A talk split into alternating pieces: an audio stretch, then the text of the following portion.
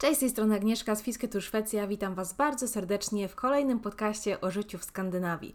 Mamy wrzesień, ja już od jakiegoś czasu czekam na jesień, jednak w Szwecji pokochałam tę jesień i czekam na te takie, wiecie, ciemne, długie wieczory, na te koce, na herbatkę, kawkę i ten cały jesienny, przytulny klimat. Dawniej jesień znosiłam zdecydowanie gorzej i nawet był taki jeden podcast, w którym brzmię w ogóle jakbym już miała jakieś tam, nie wiem, depresję ciężką i w ogóle ledwo dawała radę wytrzymać tutaj w Szwecji. E, a teraz y, ostatnio już którąś jesień, to już nawet mówię, cieszę się, czekam na tę jesień, aż sobie wyjmę wszystkie te moje liście ozdoby. Osoby, które mnie śledzą na Instagramie wiedzą, wiedzą o czym mówię, kiedy wyciągam kilka pudeł z jakimiś dyniami e, i innymi ozdobami, takimi typowo jesiennymi, moje kubki jesienne na, na, na, na kawę. E, także no zdecydowanie czekam na jesień, czekam właśnie na ten taki fajny klimacik. I co tu ogólnie u nas słychać? No muszę Wam powiedzieć, że pracujemy od 9 miesięcy bardzo intensywnie nad pewnym projektem takim tajemniczym. Nigdzie nie zdradzaliśmy, e, co robimy, ale jest to naprawdę tak duży projekt, który pochłonął nas totalnie, e, ale o tym będę mówić w kolejnych podcastach, dlatego że to jest taka naprawdę grubsza sprawa, która e, no jest pewnym naszym takim marzeniem, które chcieliśmy spełnić już od wielu, wielu lat, ale ciągle brakowało czasu. A pewnie też wiecie, jeżeli już mnie trochę znacie, że ja raczej nie mówię o jakichś moich planach za wiele, tylko informuję już zazwyczaj po fakcie, jeżeli e, mój projekt jest zrealizowany od A do Z, czyli nie mówiłam o tym, że jestem doktorantką, tylko jak się obroniłam, no to już wtedy. E, podobnie było z ciążą, z wieloma innymi rzeczami, więc ja już e, wolę jak doprowadzę coś do końca, już wiem, że to jest pewniak, że, że to dokończę, to wtedy dopiero informuję, tak za wiele tam o planach nie wspominam, ale że tu już jesteśmy praktycznie na końcówce tego naszego projektu, projektu i niedługo cały świat, cały świat, tak jakby cały świat na to czekał, ale światło dzienne faktycznie ujrzy ten nasz projekt. Będziemy o nim mówić e, zdecydowanie bardzo dużo, dlatego że to jest projekt związany ściśle z Fisketur Szwecja. I jeżeli ktoś myśli, że się tutaj obijaliśmy przez ostatnie miesiące, no to mam dla Was taką wiadomość, że jednak nie e, i zrobiliśmy naprawdę coś mega trudnego, ogromnego, i będę o tym e, w przyszłości naprawdę dowiecie się. Uwierzcie mi, dowiecie się, nieważne gdzie nas śledzicie, dowiecie się. Mam nadzieję, że Was zaciekawiłam, e, ale oprócz e, tego projektu i oczywiście, oczywiście zajmowaniem się e, naszą małą szefową, która po prostu zawojowała nasz świat i jest naszym oczkiem w głowie, więc jakby już samo to zajmuje mnóstwo czasu. No ale oprócz małej szefowej, oprócz tajemniczego projektu, to jeszcze muszę powiedzieć, że się rozkręciłam ostatnio bardzo mocno na TikToku i tam właśnie opowiadam o Szwecji i mam tam kilka serii, między innymi seria Jak wkurzyć Szweda, czyli mówię o tym właśnie, jak wyprowadzić Szwedów z równowagi. Oczywiście nie po to, żebyście Szwedów wyprowadzali z równowagi, tylko żeby unikać takich sytuacji, tematów, e, które mogą się po prostu tutaj nie spodobać. Mówię też o plusach życia w Szwecji i mówię też o minusach. Mamy teraz takie czasy, że e, chcemy mieć informacje, tak wiecie, bardzo szybko. Ja wiem, że są tu fani podcastów, długich moich podcastów, bo dostaję wiadomości, tak wiem, e, ale dużo osób jednak interesuje taka krótka forma, szybkie podawanie informacji to ma swoje ogromne minusy, dlatego że nie można rozwinąć tematu. E, wychodzą pewne takie czasami niedopowiedzenia, nieścisłości, ale takie mamy czasy. Ludzie chcą po prostu w 10 sekund dowiedzieć się tu i teraz e, i przechodzą dalej, konsumują kolejne treści. Mam mieszane uczucia w związku z tym, e, no ale tak jest. I Dlatego też ta forma jest trochę dla mnie teraz łatwiejsza, bo zajmuje mniej czasu e, niż na przykład nagranie całego podcastu czy zrobienie filmiku na YouTube e, i dlatego więcej teraz mnie ostatnio, w sumie najwięcej było chyba właśnie na TikToku. Ale o sam podcast nie musicie się absolutnie bać, na pewno nie zrezygnuję z niego na rzecz TikToka, nie ma w ogóle takiej opcji. W dzisiejszym odcinku opowiem o takich moich pierwszych wrażeniach e, związanych ze szwedzkim przedszkolem, dlatego że mała szefowa już jest po adaptacji, już chodzi do przedszkola, ja wróciłam do pracy i już takie pewne e, przemyślenia na ten temat mam. E, ja o szwedzkim przedszkolu słyszałam wiele bardzo dobrego. Czytałam super książkę, która też mi dała pewne takie pojęcie, jak wygląda przedszkole, szkoła w Szwecji. To jest książka Nie ma złej pogody na spacer, którą już tyle razy polecałam, że już chyba wszyscy ją znają, wszyscy zainteresowani już ją przeczytali. E, a jak nie, no to jeszcze raz wspominam, naprawdę świetna książka, naprawdę warto poczytać o szwedzkim przedszkolu, o szwedzkiej szkole, znaczy to nie jest jakby temat tej książki, ale tam się oczywiście przewija e, właśnie to wychowanie dzieci w Szwecji, hartowanie dzieci i również przedszkole e, i szkoła. Ja oczywiście nie będę opowiadać szczegółowo, co się dzieje w przedszkolu mojej córki. E, uważam, że są pewne rzeczy, które nie powinny wyjść poza placówkę, tak samo jak nie mówię, nawet nie mogę mówić o pewnych rzeczach e, związanych z moją pracą, a zauważyłam ostatnio już na tym wspomnianym TikToku, że ludzie zamiast na przykład porozmawiać z daną placówką, w której mają dzieci, czy to chodzi o przedszkole, czy o szkołę, czy o przychodnie, o naprawdę bardzo różne miejsca, to wylewają swoje żale na TikToku i z tego robi się jakaś jedna wielka drama.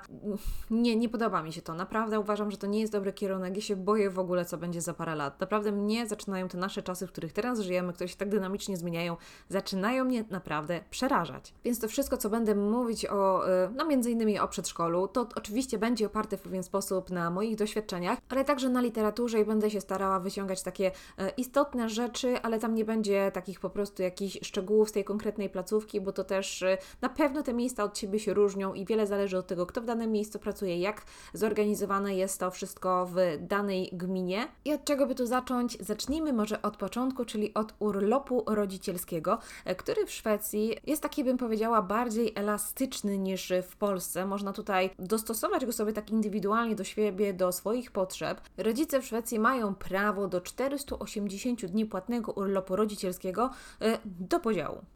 Jest to całkiem sporo e, i można to naprawdę bardzo tak e, elastycznie sobie zmieniać, czyli można się po prostu zmieniać z partnerem, czyli częściowo on wykorzystuje ten e, urlop rodzicielski, częściowo może wykorzystać go kobieta. Jest tutaj taki nacisk na to, żeby jednak mężczyźni byli zaangażowani w to wychowywanie dziecka, w zajmowanie się dzieckiem. I istnieje tu takie pojęcie latte papa, to są tacy tatusiowie, co właśnie sobie chodzą na plac zabaw z dziećmi, trzymają sobie latę w ręce i to w Szwecji generalnie nie jest wcale rzadkie rzadki widok. A dlaczego już tłumaczę? Właśnie dlatego, że te 480 dni e, płatnego urlopu, tam są co prawda dni, które są lepiej płatne, gorzej płatne, e, ale generalnie to tak jest, że e, te dni dzieli się na pół i każdy z partnerów, każdy z rodziców ma jakby pół tego urlopu rodzicielskiego. Ale można te dni przerzucić na drugą osobę, która na przykład postanowiła zostać w domu, a druga osoba pracuje cały czas. Natomiast jest 90 dni dobrze płatnego urlopu, którego na przykład tata nie może przerzucić na e, mamę dziecka, tylko musi po prostu wykorzystać. Znaczy musi, nie musi, nie musi, no ale wtedy mu przypadną. Dlatego to jest taka zachęta do tego, żeby jednak tatusiowie też na te 90 dni chociażby z dzieckiem w domu zostali. I w naszym przypadku wyglądało to w ten sposób, że ja zostałam z małą szefową w domu, e, Darek pracował e, i przerzucił jakby na mnie część tego swojego urlopu rodzicielskiego, ale dzięki temu, że ten urlop rodzicielski jest taki elastyczny, można sobie go tutaj naprawdę dostosować do swoich potrzeb. I ja już czułam w pewnym momencie, że chciałabym wrócić do pracy, nie oczywiście na cały etat, e, dlatego, że jeszcze mała szefowa wtedy nie było w planach w ogóle, żeby szła do przedszkola, jeszcze była tak w moim mniemaniu troszeczkę za mała, na to przedszkole chcieliśmy troszeczkę jeszcze poczekać, poczekać. E, I tak się wymienialiśmy z Darkiem, że ja wróciłam e, na część etatu i wtedy, kiedy ja pracowałam, Darek zostawał po prostu z dzieckiem w domu i to był genialny pomysł i bardzo się cieszę, że tak to rozwiązaliśmy, dlatego, że dziecko trochę się przyzwyczaiło, że mama czasami wychodzi, że jej po prostu nie ma. Ja byłam w swojej pracy, którą naprawdę bardzo lubię, za którą też tęskniłam, a mała szefowa z tatą świetnie się w domu bawiła, mieli ten swój czas taki dla siebie. I ja w ogóle dużo wcześniej jeszcze strasznie przeżywałam to, że będę musiała wrócić do pracy i że będę musiała zostawić dziecko w przedszkolu. Ja w ogóle nie chciałam przez kilka miesięcy o tym słyszeć e, i bardzo ciężko to znosiłam i zupełnie sobie tego nie wyobrażałam. E, I ten pomysł, żeby wrócić wcześniej na pewną część etatu do pracy był o tyle fajny, że ja mogłam się wdrożyć do pracy, dlatego że po ponad roku nieobecności taki skok od razu na pełen etat nie jest wcale takie łatwe. I dla mnie tak ja to odczuwam, że to jest taka trochę podwójna trauma, bo tak wraca się po takiej długiej przerwie e, do pracy, jest to jednak pewien stres i zostawia się jednocześnie dziecko w przedszkolu, człowiek się o to dziecko martwi i to jest taka po prostu podwójna trauma i chciałam sobie to po prostu jakoś tak złagodzić. No i faktycznie mi się udało ten powrót do pracy wyszedł tak bardzo naturalnie, bardzo łagodnie, bardzo fajnie.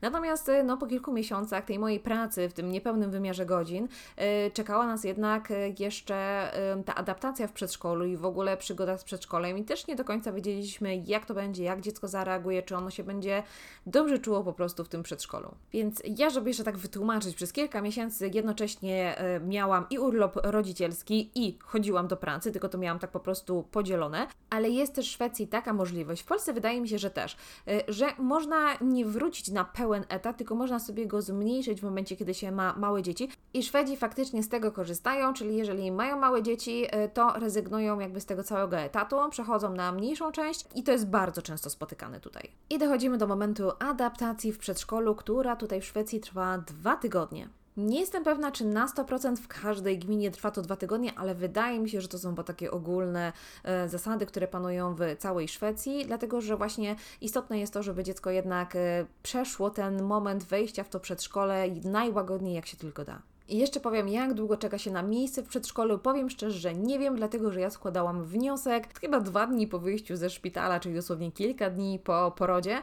I kiedy już e, powiedzmy kilka miesięcy przed moim powrotem do pracy dostałam telefon, e, kiedy dokładnie chcę wrócić do pracy i ustalaliśmy szczegóły. Ale ile tak to trwa, ile minimum wcześniej trzeba złożyć wniosek, żeby dostać miejsce wtedy, kiedy się chce, nie wiem. Zależy to na pewno od gminy, od tego miejsca, w którym się mieszka. Są takie gminy, gdzie z miejscem pewnie nie ma problemu, a są takie E, miejsca, gminy i pewnie przedszkola, bo też przedszkole się konkretne wybiera, e, gdzie e, no pewnie trzeba czekać trochę dłużej, więc to jest bardzo indywidualna sprawa. I te dwa tygodnie adaptacji w przedszkolu wyglądają w ten sposób, że przez pierwsze dni chodzi się z dzieckiem, żeby ono poczuło się bezpiecznie, żeby czuło się dobrze w tym przedszkolu. I to w ogóle było mega super. I jak już kończyły się te dni adaptacji, kiedy ja chodziłam do przedszkola z innymi też rodzicami, to powiem szczerze, że mieliśmy taki moment właśnie takiego smutku, bo było tak fajnie w tym przedszkolu, tak nam się podobało, że, że ja bym tam mogła przez cały miesiąc chodzić e, z moim dzieckiem.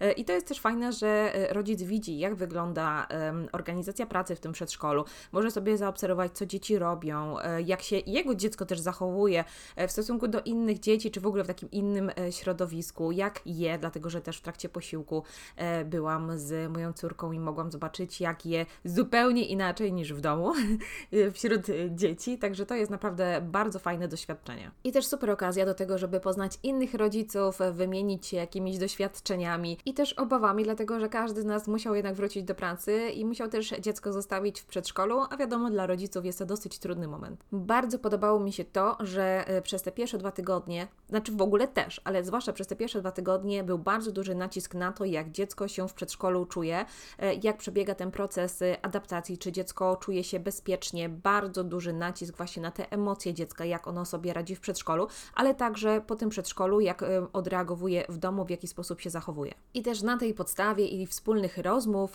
z paniami z przedszkola ustalano, ile dziecko może już e, zostać w tym przedszkolu, ile godzin, żeby to nie było dla niego za dużo, żeby nie miało za dużo też tych bodźców, emocji i tego wszystkiego. I na początku zaczynaliśmy chyba od niecałych dwóch godzin, ale ja przypominam, ja z moim dzieckiem wtedy w tym przedszkolu byłam i mi się wydawało na początku, że to jest naprawdę bardzo krótko i że jednak dziecko musi się przyzwyczajać do tego, żeby zostawać dłużej dlatego że Dwa tygodnie to jest długo, a z drugiej strony krótko. Jednak jak nagle później dziecko zostanie na cały dzień e, samo, bałam się, że troszeczkę ten okres może być za krótki, ale zaufałam doświadczeniu e, pań w przedszkolu, które oczywiście miały rację, dlatego że później okazało się, że te dwie godziny w tym przedszkolu e, to nowe miejsce, nowe dzieci, nowe zabawki. To jest naprawdę długo na początek dla takiego dziecka i my jak przychodziłyśmy po tym jednym dniu, po tych dwóch godzinach, to moje dziecko było naprawdę mega zmęczone i długo spało. I tak co dwa dni ten czas był tak troszeczkę wydłużany, wydłużany, a po sześciu dniach y, chodzenia z moim dzieckiem, czyli od poniedziałku do piątku i później w kolejnym tygodniu w poniedziałek jeszcze byłam z moim dzieckiem w przedszkolu,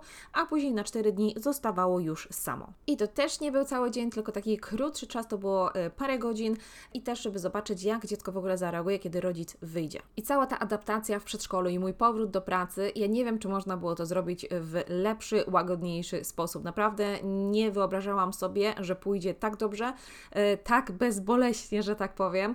E, także jestem naprawdę bardzo zadowolona i bardzo się cieszę, bo był to taki e, powiedzmy aspekt, który mnie dosyć mocno stresował, chyba jak każdego rodzica, e, ale przebiegło to naprawdę bardzo, bardzo fajnie. Także Szwedzi chyba wiedzą, jak to się robi. Oczywiście wiele zależy też od dziecka, ale moje dziecko jest takie, że to przedszkole to jest taki idealny moment teraz, żeby do tego przedszkola poszło, dlatego że jest tak ciekawe świata i na pewno dla mnie jest to łatwiejsze, kiedy widzę, że moje dziecko jest zadowolone, jest uśmiechnięte i do tego przedszkola po prostu chodzić chce. Oczywiście mam świadomość tego, że to się może zmienić, że przyjdą kryzysy, nawet już jeden mały kryzys za sobą mamy, ale ja też jestem informowana o tym, jak moje dziecko się w przedszkolu czuje, czy jest gorzej, czy jest e, lepiej, dostaję zdjęcia, e, mam informacje, czy, czy na przykład zjadło obiad, także nie mam czegoś takiego, że siedzę w pracy i sobie myślę, moje dziecko płacze przez ileś tam godzin. Takich sytuacji sytuacji nie ma, dlatego że ja dostaję też informacje, czy wszystko jest w porządku. I nawet jeżeli jest taki właśnie gorszy dzień, że dziecko niekoniecznie chce zostać w tym przedszkolu, a wiadomo, do pracy iść trzeba, to dla mnie to jest ogromna ulga, kiedy ja dostaję za chwilę informację, że po moim wyjściu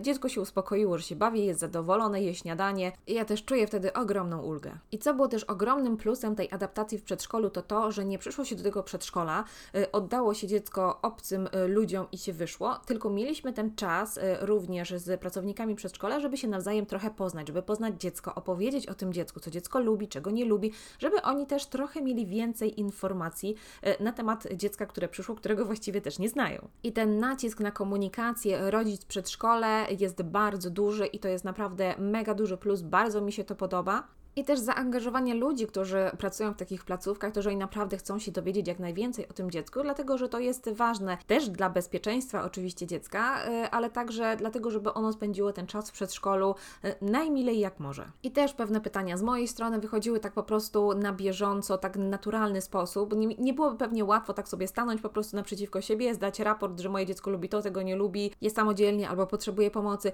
tylko to wychodziło tak po prostu przez te dwa tygodnie y, swobodnie, bardzo tak naturalnie, w luźnej rozmowie, także to było naprawdę mega super. To, co jest też dużym plusem przedszkoli tutaj w Szwecji, ale o tym wiedziałam już od dawna, właśnie po przeczytaniu książki Nie ma złej pogody na spacer, to wiedziałam, że dzieci spędzają dużo czasu na świeżym powietrzu i też nie są tak ograniczane w taki sposób, że tego nie mogą robić, tam tego nie mogą robić. Dzieci mają się ubrudzić, mają specjalne ubrania. Ja piorę teraz codziennie te wszystkie ubrania, bo moje dziecko po prostu przychodzi, y, te ubrania są dosłownie z błota i jak ja byłam w trakcie tej adaptacji, też widziałam, e, jak moje dziecko się bawiło i jestem tak szczęśliwa, że moje dziecko jest zadowolone, ubłocone, może się swobodnie bawić e, i właśnie plusy takiego podejścia w przedszkolach, ale w ogóle w wychowaniu tutaj dzieci w Szwecji ma ogromne plusy e, i o tym można przeczytać właśnie w wymienionej książce. Bardzo, bardzo Wam polecam. Nie wiem do końca, jak jest w polskich przedszkolach teraz, ale w Szwecji jest tak, że tutaj jest kuchnia na miejscu, gotowane są posiłki,